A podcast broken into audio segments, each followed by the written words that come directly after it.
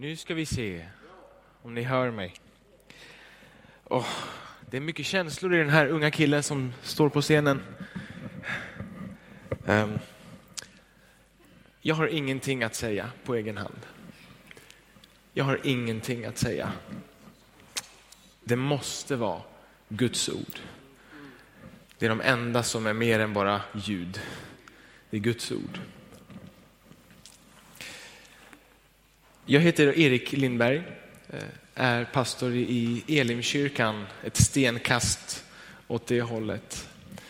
Jag har varit här många gånger förut, men aldrig iförd en sån här klistermärke. Så, men jag är inte ensam. Jag såg att Daniel också är iförd sin tjänsteklädnad.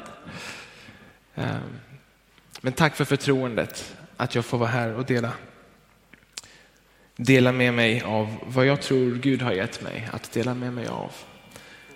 Så innan jag säger ett ord till så kan vi väl ta och be. Heliga ande, Gud med oss, Immanuel. Jag ber att du ska vara här just nu i mina ord. Låt dem vara dina ord. Heliga ande, smörj mig. Låt det komma från dig, Herre. Låt det komma från himlen ett budskap om, om hopp, om förtröstan, om framtidstro. Jag ber att det ska vara du som talar ikväll. Låt de ord som jag säger komma från dig Herre och låt dem landa i hjärtat hos oss var och en. Så att det får bära frukt för ditt rike. Och om det kommer något ord som inte är från dig, då säger vi i Jesu namn bort med det. Låt det inte bära frukt. Men det ord som kommer ifrån dig Herre, jag ber att det ska få ge 30-falt, 60-falt och 100-falt tillbaks för ditt rike. I Jesu Kristi namn. Amen. Yes. Idag känner jag mig som Paulus, men inte för att jag är så himla helig, utan för att Paulus sa så här. Nu får ni rätta mig, tänk om det inte är Paulus, det skulle vara pinsamt. Men han säger så här, för judarna är jag som en jude, för grekerna är jag som en grek. Ja, och då tänker jag, för, för vissa har jag den här och för andra har jag den här. Så jag, jag, försöker liksom spela på många, många fält samtidigt. Så om, om jackan stör dig, kolla på den här. Och om den här stör dig, kolla på jackan. Och om allt stör dig, blunda eller stäng av skärmen. Så lyssnar du bara på Guds ord, okej? Okay? Något av det allra sista som Jesus säger till sina lärjungar det slog mig när jag satt här nere och tänkte de sista orden man säger till någon. I ljuset av vad vi precis har fått be för och höra så känns det inte lika klämkäckt och glatt. Och tänka det sista orden man säger till någon. Men det sista, något av det sista som Jesus säger till sina lärjungar ifrån Apostlagärningarna kapitel 1. Så säger han så här i vers 4. Vid en måltid med apostlarna befallde han dem Lämna inte Jerusalem, utan vänta på vad Fadern har lovat. Det ni har hört av mig. Johannes döpte med vatten, men ni ska om några dagar bli döpta i den heliga ande. Och alla pingstvänner sa halleluja. Amen. Tänk att jag ska predika utifrån den första pingsten här i pingstkyrkan. Kan ju slå så väl. Och vad händer då? De samlas och väntar på Guds befallning genom Jesus Kristus, stanna och vänta på kraft. Gå inte än, den heliga ande ska om några dagar komma till er. I vers 8, men när den heliga ande kommer över er ska ni få kraft och bli mina vittnen i Jerusalem, i hela Judeen och Samarien och ända till jordens yttersta gräns inklusive Eskilstuna. Det var hans sista ord. För sen åkte han upp till himlen. Satte sig på Guds högra sida. Vänta till den heliga ande kommer. Och det går några dagar och de här lärjungarna de samlas ju i den övre salen ivrigt sökande efter Gud. Lovsjungande, bedjande, väntande på den där kraften som ska komma. som de har sett verka förut. De har ju gått med Jesus, de vet vad det rör sig om. Och sen i kapitel två, så då vet ni hur det blir. Alla uppfylls av den heliga ande och tungor som av eld sätter sig på var och en av dem. De har ett ashärligt gudsmöte och alla blir mätta och belåtna andligt. Och sen går de hem. Nej, vänta, så var det inte. Vad händer? De börjar tala främmande språk. Allt efter vad anden inger dem att tala. Och de börjar gå ut på gatorna och förkunna om Guds storhet på sätt som för dem annars skulle vara helt omöjligt. De fick inte bara ett himmelskt språk, de fick också kraft att gå ut.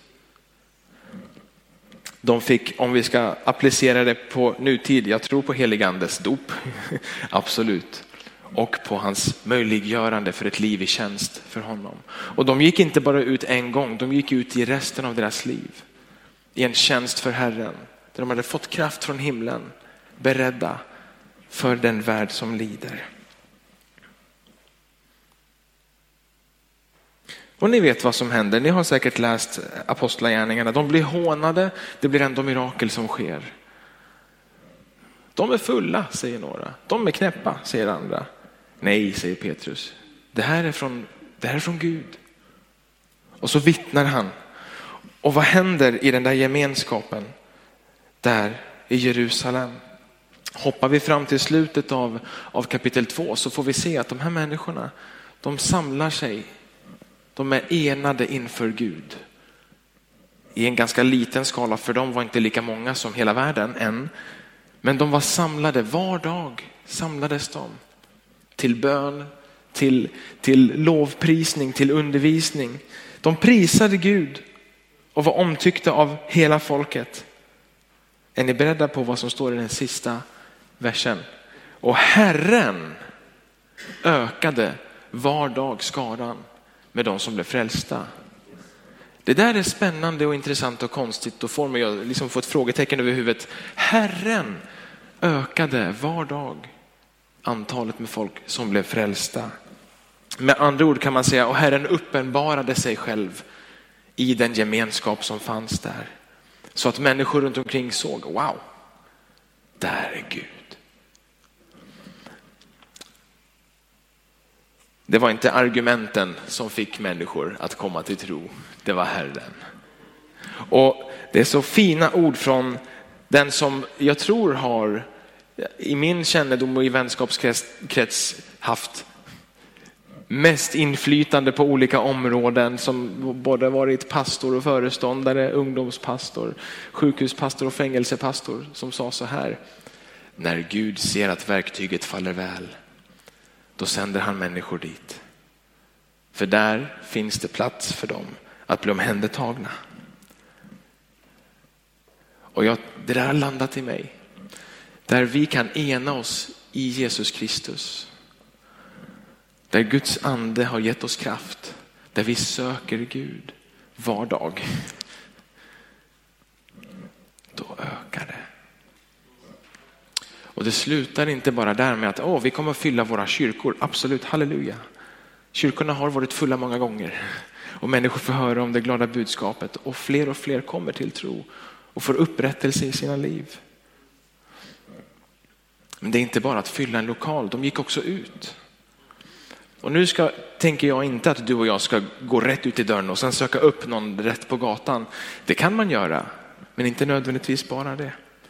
Utan vad gör de? De leds av anden att göra mer än vad de själva kan i en specifik situation som de där var i. För det här händer ju liksom i påsk över flera dagar. Herren ökade varje dag. Det var en situation där Gud rörde sig något enormt för de här människorna. I en specifik plats när det var pentakosti, 50 dagar efter påsken. När pingstdagen fick en ny innebörd i en specifik situation som förändrade den kristna historien. Där vi kan tacka Herren för att han utgöt sig själv i sin ande över dig och mig. Och nu Ja, det stod 15 minuter på pappret att jag skulle predika. Jag vet inte ens om jag håller på så länge, men jag tror att Gud kan ändå tala till dig. Nu finns det en specifik situation. Efter allt vi har hört här, efter allting vi vet om både kampanjen som kommer komma och det som människorna som kommer komma hit. Det är en specifik situation och vi kan inte annat än att ena oss, söka Herren och vara behjälpliga för människor. Så jag vill, jag vill uppmana dig det här. Precis som Filippos blev ledd av anden så behöver du och jag låta oss ledas av Guds ande. Av Guds ruach, av Guds pneuma. Det var hebreiska och grekiska för dig som undrar. Och det betyder vind. Det betyder ande. Det betyder Guds utandning. Du och jag behöver vara som segel och Gud blåser. Om du förstår min bild. Så. Jag vill inte gå ett steg som inte Gud har tänkt att jag ska gå. Jag vill inte röra mig en millimeter åt ett håll som Gud inte har tänkt för mig. Gud har tänkt steg för dig och mig, goda gärningar som han har förutbestämt för dig och mig att gå i. Och vi behöver gå i dem. Så nu kommer jag inte att läsa mer bibelord och jag kommer inte hålla på värst länge. Tack och lov, en kort predikant. Skämt åsido här. Ja. Gud använder allt han får, ibland så, ibland så. Men nu vill jag uppmana dig till det här. Sök Herren, nu i ditt hjärta. Just nu. Låt dig utmanas av honom. Låt dig utmanas av Guds ande. Att bryta på bekvämlighet. Om det är så att du behöver öppna din plånbok eller ditt hem, det avgör Gud. Och, och lyssna till Gud. Lyssna till Gud. Låt dig ledas. Okej? Okay? Så ska vi be. Helige ande, vi behöver dig. Att du ger oss kraft, Herre. Vi väntar på att kraft ska komma dagligen. Vi tror på dig heliga ande att du redan är här, bor i oss och faller över oss och förmår oss att göra det du har tänkt för oss var och en för ditt rikes skull och för en människa som behöver dig. Jag ber för varenda Eskilstuna-bo som, som väntar, som du väntar på. Och jag ber för varenda människa som är på väg in i det här landet. Och jag ber för alla de som inte har kommit in än eller kanske inte ens kommer hit. Jag ber att vi alla ska vara villiga att gå dina steg heliga ande. Att du ska leda oss heliga ande. Om vi behöver öppna våra hem, om vi behöver sända något som, som vi inte kanske vill, utmana oss då till det heliga ande. För vi vill följa dig. Vi vill vara mer lika dig Jesus. Vi ger dig all ära Jesus för du är god. Vi prisar dig för att du kan vägen fram när vi går i oro för vad som kommer. Så kan vi lita på att men du vet, du är tryggheten. Dina löften står kvar Herre.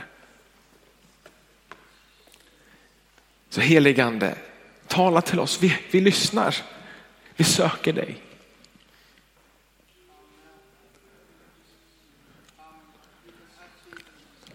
Heligande kom. Fyll oss med, med, med kraft, med, med beredvillighet. Vi vill ta på oss beredvillighetens skor, Herre. Så att vi kan gå för ditt rike. Så att vi kan gå för, för, för dit du leder heligande. Blås på oss din livsande Gud. Blås riktningen för oss och hjälp mig att kunna vara ett bildligt segel för dig. Så att jag kan gå dit du sänder mig. Så att vi kan gå dit du sänder oss. För de människor som desperat behöver dig. Vi ger dig all ära Herre. Vi ger dig allt vårt lov. Du är värdig vår tillbedjan och lovsång. I Jesu Kristi namn. Amen.